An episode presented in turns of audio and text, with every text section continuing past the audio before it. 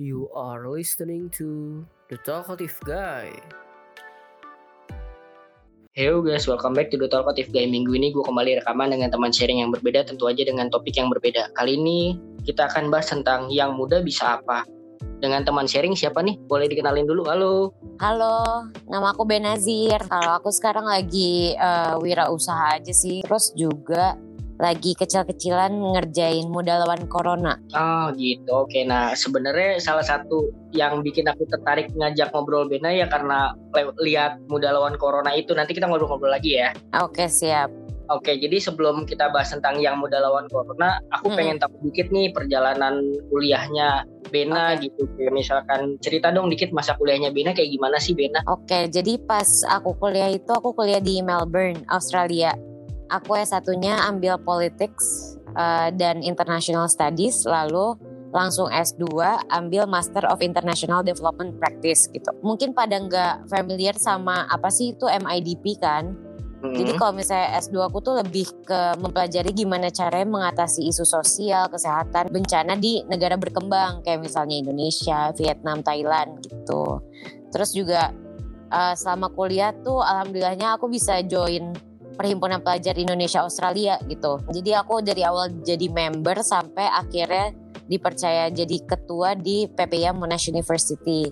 Jadi sejak saat itu tuh selain kuliah dan belajar juga aku belajar berorganisasi gitu dan gimana caranya bisa bawa nama Indonesia dari jauh. Oh gitu, oke. Okay. Hmm. Nah tapi pertama kali menumbuhkan minat untuk ikut kuliah jurusan tersebut S1 S2-nya tersebut tuh perjalanan gimana sih? Dari dulu emang udah ada ketertarikan dengan kayak berhubungan dengan politik, masyarakat Indonesia gitu-gitu apa gimana? Iya, kalau misalnya karena dari kecil kan lumayan uh, diekspos mengenai hal-hal seperti itu kan, diajak ke daerah pemilihan, terus habis itu juga mendengarkan orang-orang ngobrol tentang apa sih yang uh, mereka concern terus apa juga yang mereka inginkan gitu inginkan perubahan seperti apa gitu jadi dari kecil kayak gitu jadi aku menemukan uh, ketertarikan di politik itu sendiri gitu. Terus menurut aku kalau politik tuh nggak lengkap kalau misalnya nggak ada praktisnya tuh sebenarnya apa sih gitu. Apa sih yang kita bisa lakuin selain teori? Kalau S1 kan lebih ke teori di dunia politik tuh apa saja? Dan di hmm. dunia uh, hubungan internasional tuh apa saja. Sementara kalau misalnya S2-nya aku itu lebih ke fokus apa yang bisa kita lakukan, perencanaan seperti apa, contoh-contohnya apa saja seperti itu sih. Oh gitu, oke. Mm-hmm. Nah kalau misalkan dari segi kepribadiannya Bena nih sendiri, kalau misalkan flashback dari masa kuliah S1, S2 sampai sekarang berkarir, transformasi kedewasaannya gimana sih kalau diperbandingin? Kalau transformasi kedewasaannya sih karena pas di Melbourne tuh aku tinggal sendiri karena waktu itu sempat berdua sama kakak habis itu kakak lulus dan pulang duluan jadi aku sendirian dan uh, jadi lebih punya banyak waktu untuk mengeksplor diri sendiri gitu. Jadi pendewasaan pas di sana tuh lebih ke aku dan internal diri aku sendiri. Sementara pas pulang nih, pulang ke Jakarta itu uh, diperlihatkan dan harus berurusan dengan banyak orang gitu. Jadi itu hmm. lebih ke pendewasaan diri dan eksternal. Nah kalau misalkan kayak ngomongin orang tua gitu dari kecil -hmm. tuh Bena tuh dididik oleh orang tua seperti apa sih dan sampai sekarang pesan apa nih yang diingat oleh Bena? Kalau mendidik sih sebenarnya selayaknya orang tua kebanyakan ya mau anaknya tuh beragama, sopan santun, tahu batasan, berprinsip, bertanggung jawab. Cuman tuh yang paling uh, dua hal sih yang paling aku ingat. Yang pertama itu keluarga itu yang paling utama dan harus dijaga terus. Terus okay. yang kedua itu uh, papaku tuh selalu bilang bahwa dia nggak akan bangga kalau misalnya anak-anaknya gede jadi orang yang kaya raya gitu. Oh, oke, okay, Dia lebih uh, bangganya kalau misalnya dia dengar anaknya mempunyai impact ke orang lain, terus berkontribusi ke masyarakat banyak gitu. Dia akan lebih uh, menghargai prestasi yang seperti itu gitu. Hmm oke. Okay. Nah kan tadi Bena udah bilang tentang eksplorasi diri gitu. Sebenarnya mm -hmm. Menurut Bena seberapa penting sih eksplorasi diri gitu untuk anak muda zaman sekarang? Kalau menurut aku sih eksplorasi diri itu penting banget. Tapi kembali lagi eksplorasi dirinya tuh harus yang bertanggung jawab gitu. Karena oh. menurutku kata eksplor tuh banyak disalahgunakan gitu loh. Ada beberapa anak muda yang ah gue mau eksplor diri gue tapi jadinya nggak komit sama tanggung jawabnya gitu atau bahkan melakukan hal-hal yang merugikan dirinya sendiri hanya dengan pengen eksplor gitu kalau menurut aku penting banget tapi ekspornya yang positif-positif aja. Contohnya nambah ilmu dengan ikut uh, kursus atau misalnya ikut organisasi kan itu juga salah satu cara untuk mengeksplor diri kita kan. Hmm. Kita tertariknya di mana, minatnya di mana gitu sih. Tapi kalau misalkan sebenarnya kalau di era digital yang makin mudah zaman sekarang sebenarnya nggak masalah gak sih buat anak muda? Kayak misalkan aku deh contohnya hmm. belajar misalkan dunia marketing. Oh tapi nanti belajar juga yang nggak selinier gitu. Belajar yang beda bidang dan dikerjain bersama-sama. Apa sebenarnya sebaiknya kalau pandangan Bena gitu yang linear-linear dulu aja dimantepin apa gimana nih prioritasnya gitu? Kalau menurut aku uh, setiap orang punya preferensi yang berbeda-beda sih. Hmm. dan juga ada uh, bidang yang emang kita harus tekunin banget tanpa harus ada uh, yang lain gitu. Misalnya kedokteran gak mungkin seorang dokter gitu yang harus mempelajari lebih dalam sambil belajar yang lain dengan fokus gitu. Menurut aku ada beberapa hal yang emang harus difokusin. Cuman dilihat dari aku kan backgroundnya sebenarnya sosial banget kan bener-bener politik sama MIDP gitu. Tiba-tiba tapi aku belajar bisnis juga dan terjunnya malahan di bisnis. Jadi menurut aku itu juga penting untuk bisa mempelajari lebih dalam yang lainnya gitu yang gak linear oh, sometimes gitu. gitu.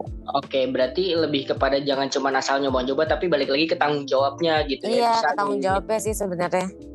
Oke oke. Nah kalau di flashback nih terserah mau cerita yang pas kapan dan apa ceritanya. Ada gak sih satu momen up dan satu momen down gitu bagi Beta yang bisa di share ke pendengar kita? Kalau misalnya momen down sih uh, kayaknya tuh uh, pas papaku sakit kali ya. Soalnya waktu itu aku uh, posisinya tuh ada di rumah. Terus habis itu uh, aku harus cuman berdua sama mama nganterin papaku ke rumah sakit dan itu papaku sempat pass out gitu di mobil dan aku kira tuh aku kehilangan papaku selamanya gitu. Jadi itu lumayan paling downnya aku sih. Kalau momen upnya apa nih yang berkesan banget buat Bena?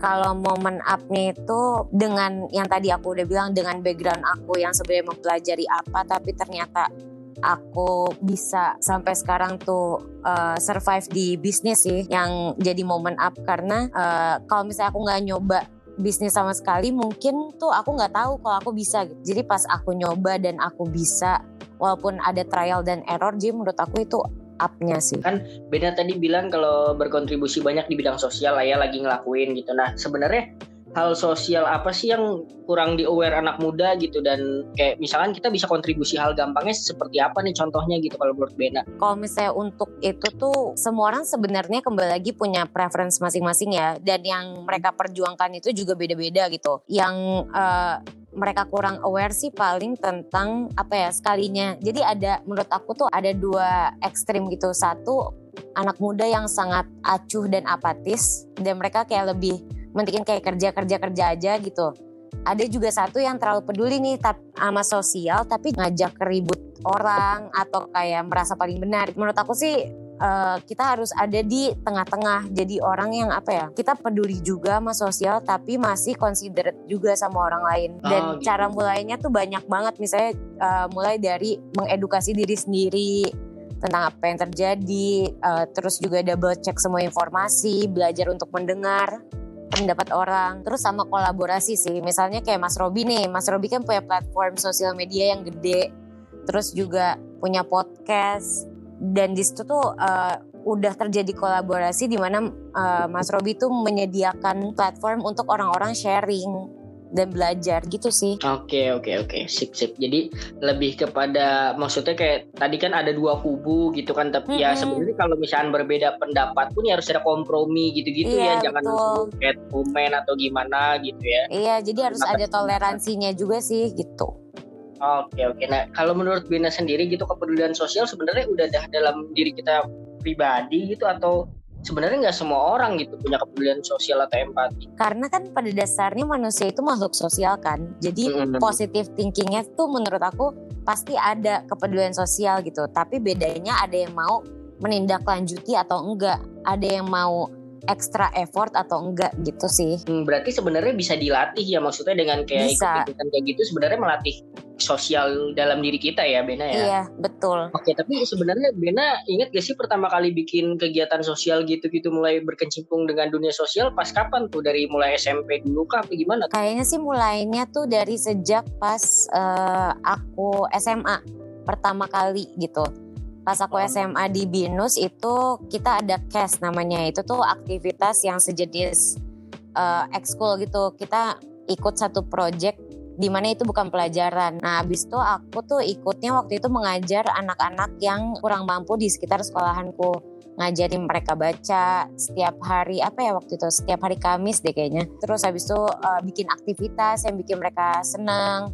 Terus juga pas akhir-akhir dari case itu kita sempat ngajak mereka ke kebun binatang juga gitu. Jadi berawal dari situ sih dari SMA. Oh gitu, oke. Tapi apa sih poin yang membuat Bena tertarik untuk berkecimpung lebih dalam bidang sosial gitu? Sementara banyak ada anggapan di luar sana bahwa ah kalau misalkan sosial mah ya nggak ada duitnya inilah itulah Iya segala macam gitu stigma stigmanya kalau menurut Bena apa nih siapa tahu bisa memberi sudut pandang beda Kalau misalnya mungkin karena udah didoktrin juga kali ya yang dari aku bilang di awal tadi bahwa papaku tuh nggak bakal bangga deh kalau anaknya banyak duit doang tapi nggak ada kontribusinya apa-apa mungkin karena doktrin itu jadi perlahan tuh jadi apa ya jadi akunya juga menyukai gitu melakukan itu misalnya eh, aku yang muda lawan corona nih Hmm. walaupun pas jualan kaosnya ribet, pas desain kaosnya ribet gitu. Cuman pas kembali lagi bantuannya itu nyampe ke orang-orang yang emang kita targetin tuh aku ngerasa seneng gitu.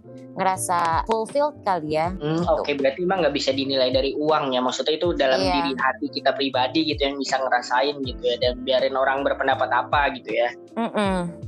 Oke, nah kalau misalnya kayak Bena berhubungan dengan banyak orang gitu, gimana sih handle stres gitu? Pasti kan kita kan banyak pikiran atau kayak misalkan suntuk apa kayak gimana. Nah itu handle kayak gitu ya harus profesionalnya gimana tuh Bena? Ada tipsnya gak atau gimana? Kalau aku sih yang bagian itu aku juga masih belajar banget sih. Cuman kalau misalnya pokoknya kalau ada masalah personal pas aku lagi ngejalanin eh, hal-hal yang profesional itu tuh aku kesampingin dulu gitu. Jadi istilahnya kalau misalnya eh, hati bisa dibagi tuh hati dibagi yang eh, profesional sama yang eh, personal gitu. Kalau misalnya lagi profesional ya yang personalnya jangan dibawa-bawa gitu. Harus tetap bertanggung jawab dan maksimal dalam eh, ngelakuin apa pun itu gitu. Sama paling sih aku makan sih mas gara-gara makannya bikin iya. happy ya. Benar, benar, benar. Iya kan? Atau enggak ada beberapa orang juga yang olahraga gitu. Dengerin musik gitu-gitu ya Dengerin yang Iya, stimulus hal-hal. emang bikin positif ya. Iya hal-hal kecil gitu sih. Tapi kembali lagi kita juga harus bisa misahin antara uh, personal sama profesional tuh. Hmm, gitu. Oke kan pendengar podcast aku kan kebanyakan kalau nggak masih kuliah atau enggak yang fresh grade yang baru-baru berkarir lah gitu. Ada tips Mm-mm. sih dari Bena gitu kalau misalnya kayak eh, biasanya orang bermasalah tuh sama time management gitu kayak pengen Mm-mm. ngelakuin semuanya terus nggak jadi kemudian jadi nggak ngelakuin apa-apa gitu gimana kalau dari Bena? Kalau dari aku sih pertama pentingnya planning ya. Maksudnya walaupun kita banyak ide gitu, tapi kalau idenya nggak di plan secara rapi juga ujung-ujungnya semuanya setengah-setengah gitu. Hmm, Oke. Jadi kalau misalnya menurut aku sih pertama tuh harus planning, kedua tuh harus eh, tahu prioritas yang mana. Prioritasnya tuh kalau lagi kuliah ya yang utama pasti kuliah gitu. Tapi setelah itu dialokasikan waktunya untuk hal-hal lain. Terus yang ketiga paling kalau lagi muda gitu sih emang lagi banyak tenaga kan Mas ya. Benar-benar. Jadi menurut aku sih lakuin seaktif mungkin gitu. Nggak nggak ada ruginya juga seaktif mungkin tapi kembali lagi harus tahu prioritas. Terus jangan lupa sama keluarga kan banyak nih yang kuliah terus habis itu saking serunya sama eh, kehidupan perkuliahannya jadi eh, nyuekin ibu bapak gitu. Iya iya benar-benar. Jadi time management sih menurut aku harus balance aja sih. Iya iya ya kalau misalnya berhubungan dengan keluarga ya kita tetap harus ngerti orang tua jangan orang Iya. tua yang suruh ngerti waktu kita gitu ya. Betul kan biasanya kalau lagi lagi seru sama dunia sendiri suka lupa tuh. Iya iya Gitu. benar-benar itu, itu itu poin yang menarik sih. Nah kalau misalkan kayak ada beberapa case gitu dari anak muda yang dia takut berbagi karena takut dinyinyirin gitu sama orang sekitar gitu. Ah lu cuman segini doang ah gini doang belagu apa gimana? Kalau menurut Bena gimana sih? Enggak semua komen atau enggak semua apa ya?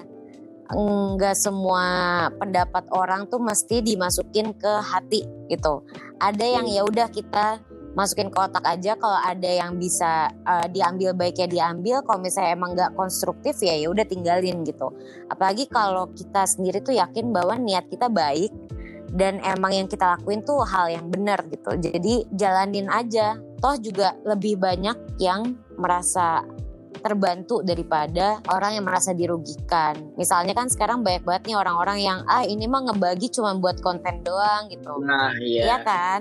Atau enggak ah ini mah uh, ngebagi juga paling dari duit bapaknya atau gimana.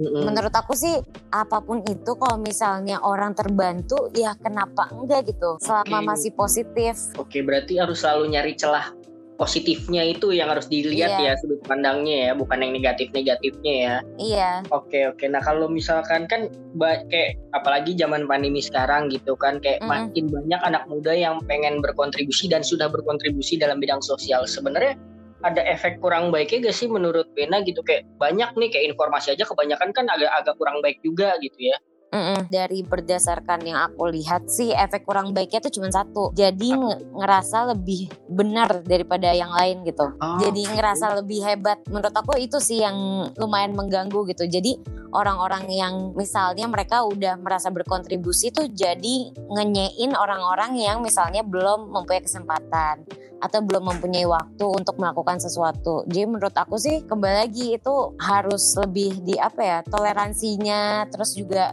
saling kolaborasinya itu harus ditingkatin lagi biar nggak ada hal-hal seperti itu.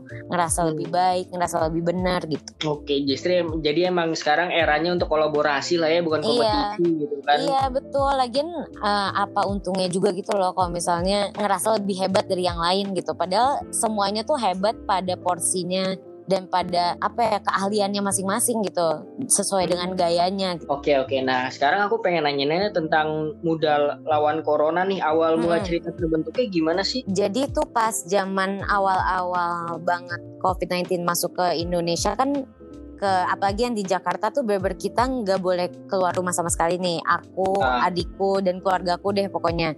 Nah aku yang sama adikku tuh ngobrol. Dia masih SMA dia ngerasa bosen kalau misalnya cuman di rumah doang. Dia pengen ngapain ya gitu. Kita juga ngelihat berita kok banyak banget yang kena impact dari COVID-19 ini sendiri gitu. Ada yang uh, kehilangan pekerjaan dan lain-lain. Kita tuh pengen berbuat sesuatu tapi kita bukan influencer mas yang bisa hmm. misalnya bikin kita bisa gitu terus habis itu langsung dapat uh, uang beratus-ratus juta gitu nggak semudah itu kan hmm. jadi kita mikir caranya gimana untuk bikin sebuah produk yang uh, bisa jadi kenang-kenangan juga gitu buat orang-orang tentang pandemi ini yang benar-benar efeknya gede banget ke orang-orang. Terus juga sambil ngebantu. Akhirnya kita mikir kalau misalnya kaos tuh yang paling hari-hari terutama kalau misalnya lagi di rumah aja kan gitu. Jadi kita hmm. bikin desain kaos-kaos yang keuntungannya itu 100% untuk kemarin tuh yang pas batch 1 sama 2 itu untuk beli sembako gitu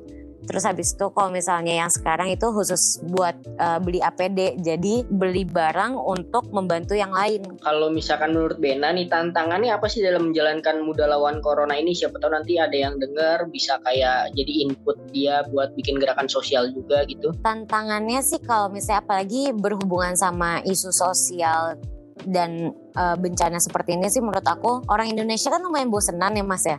Gimana hmm. caranya kita tuh uh, ber inovasi terus biar orang-orang itu nggak bosen. Misalnya uh, aku sekarang lawan corona udah jalan berapa bulan ya? Udah jalan tiga bulanan lebih. Nah itu tuh gimana caranya orang tetap beli produk dari muda lawan corona gitu. Padahal sama aja kan kaos gitu. Cuman gimana caranya kita bisa bikin desain yang bikin relate ke orang-orang itu sendiri gitu. Paling juga sama tantangannya tuh ternyata berada di industri uh, bisnis kayak gini tuh susahnya kalau misalnya menemukan orang-orang yang gak sabaran. Misalnya kayak baru baru order terus habis itu besoknya minta langsung mau pakai gitu. Padahal kan sementara ada produksinya dulu ada packingnya dulu gitu sih paling tantangannya. Hmm. sempet lah kena omel sekali dua kali ibu-ibu gitu kan Oke oke. Nah terus tapi kalau misalkan target ke depannya gitu dari segi pribadinya Bena ataupun muda lawan corona secara spesifik itu ada gak sih yang pengen dilakuin lagi ke depannya yang bisa di share? Kalau untuk aku sendiri sih aku pengen uh, fokus terus dan membesarkan usaha yang lagi aku jalani sekarang karena aku juga punya pesantren. Jadi pengennya itu sih lebih digedein lagi orang yang bisa sekolah di sana dengan gratis gitu. Sama paling kalau misalnya untuk muda lawan corona sih pengennya tetap terus uh, ngebantu orang-orang yang terdampak ya sampai nanti pandeminya udah hilang 100% gitu.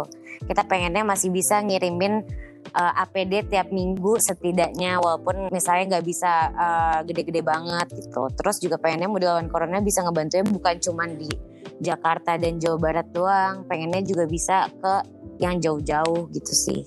Hmm, amin, amin. Nah, kalau misalkan dari Bena pribadi gitu dalam penggunaan sosial media terutama Instagram, kegunaannya apa sih ini? Mungkin untuk ke-branding kah atau gimana atau iseng-iseng aja? Uh, Sebenarnya kayak kebanyakan orang aja sih, Mas. Uh. Lebih kayak ke bertukar informasi dan komunikasi ke banyak orang aja gitu. Cuman kan okay. kalau sosial media kan sekarang uh, apa ya? Kita juga harus memilah-milih kan apa yang bisa di-share dan apa yang enggak. Jadi kalau misalnya menurut aku juga sebenarnya nggak branding lebih ke uh, aku akan mastiin kalau misalnya yang aku bagikan ke sosial media antara bermanfaat buat mereka atau ya menghibur gitu. Jadi jangan sampai yang negatif-negatif gitu aku juga post di sosial media gitu sih. Hmm, oke okay, oke. Okay. Nah, ini yang terakhir nih boleh dipromot dong IG-nya Bena sama Muda Lawan Corona sama yang pesantren atau ada gerakan-gerakan lainnya gitu yang mungkin orang bisa cari tahu dan diskusi lebih lanjut mungkin. Oke, kalau misalnya Instagram aku tuh Benazir Komarudin. Kalau Instagram Muda Lawan Corona tuh Muda Lawan Corona disambung semua. Kalau hmm. pesantrenku itu it.almuhtar underscore. Oke okay, oke. Okay. Nah terus ada tambahan atau hal yang ingin disampaikan lagi gak nih buat pendengar kita nih dari Bena? Kan dari tadi kita ngomongin masa muda terus ya mas, masa muda hmm. terus habis itu eksplorasi diri gitu. Kalau menurut aku emang masa muda tuh waktunya buat eksplor diri, membuat kesalahan. Terus kita juga harus berani buat trial dan error sebanyak-banyaknya agar nantinya kita tuh tumbuh jadi orang yang lebih bijak. Terus juga jangan lupa buat jadi versi yang terbaik dari diri sendiri setiap harinya gitu. Oke oke. Jadi banyak-banyak gagal nggak masalah lah ya. Karena itu biasa wajar semua orang ngalamin iya. Biar nanti pas udah tua nih udah kenyang nih buat kesalahan udah tahu celah salah mana jadi udah tumbuh menjadi dewasa yang lebih bijak lah oke amin amin thank you amin. nih Bina ya buat sharing-sharingnya bermanfaat banget nih buat waktunya juga thank you sama-sama terima kasih semuanya terima kasih mas Amin. Semoga sukses selalu dan semoga Amin. nanti bisa kolaborasi konten-konten positif lainnya gitu kan. Amin. Semoga Mas Robi juga baik. ya. Siap. Terima kasih. Thank you guys yang udah dengerin episode kali ini. Sampai ketemu minggu depan. Bye bye. Don't forget to follow us on YouTube, Spotify, and Instagram at the Talkative Guy underscore ID.